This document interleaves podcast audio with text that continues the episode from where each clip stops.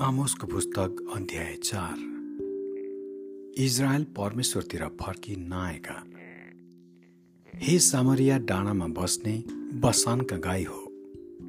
तिमी स्त्रीहरू जो गरिबहरूलाई थिचोमिचो गर्दछौ र दरिद्रहरूलाई पेल्दछौ र आफ्ना पतिहरूलाई भन्दछौ हामीहरूलाई केही पिउनलाई ल्याइदिनुहोस्। तिमीहरू यो सुन। परमप्रभु परमेश्वरले आफ्ना पवित्रताद्वारा यो शपथ खानुभएको छ। हेर समय निश्चय नै आउनेछ। जब तिमीहरूलाई अङ्कुशले तिमीहरूका बाँकी रहेकाहरूलाई बल्छीले समातेर लगिनेछ। तिमीहरू हरेकजना पर्खालका दाँदाहरूका बीचमा भएर सोझै जानेछौ र तिमीहरू हर्मोनतिर फर्किनेछौ। परमप्रभु भन्नुहुन्छ। बेथेलमा गएर पाप गर। गिलगालमा गएर अझ धेरै पाप गर। बिहानै पछि तिमीहरूका भेटी ल्याओ र प्रत्येक तेस्रो वर्षमा आ आफ्नो दशांश ल्याओ। खमिर हालेको रोटी धन्यवाद बलि चढाओ र स्वेच्छा बलिका लागि धाक लगाउँदै हिँड। तिनको कारणले घमण्ड गर किनकि तिमी इजरायली हौ। तिमीहरूलाई त्यसै गर्न मनपर्छ परमप्रभु परमेश्वर भन्नुहुन्छ। मैले हरेक सहरहरूमा तिमीहरूलाई रित्तो पेट र हरेक नगरमा रोटीको अभाव पारिदिएँ।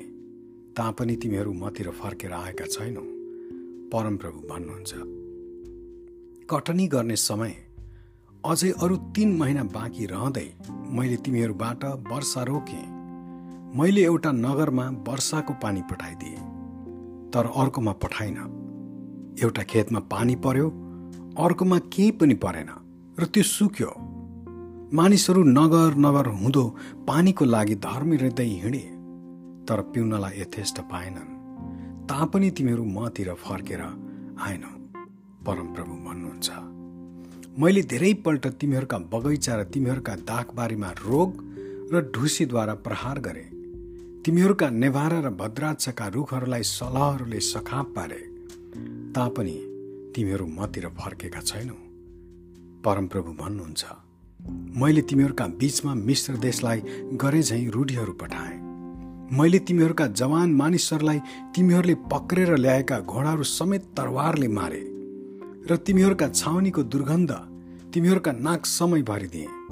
तापनि तिमीहरू मतिर फर्केका छैनौ परमप्रभु भन्नुहुन्छ। मैले तिमीहरू मध्ये कतिजनालाई सदुम र गमौरालाई जस्तै ध्वंस पारिदिएँ।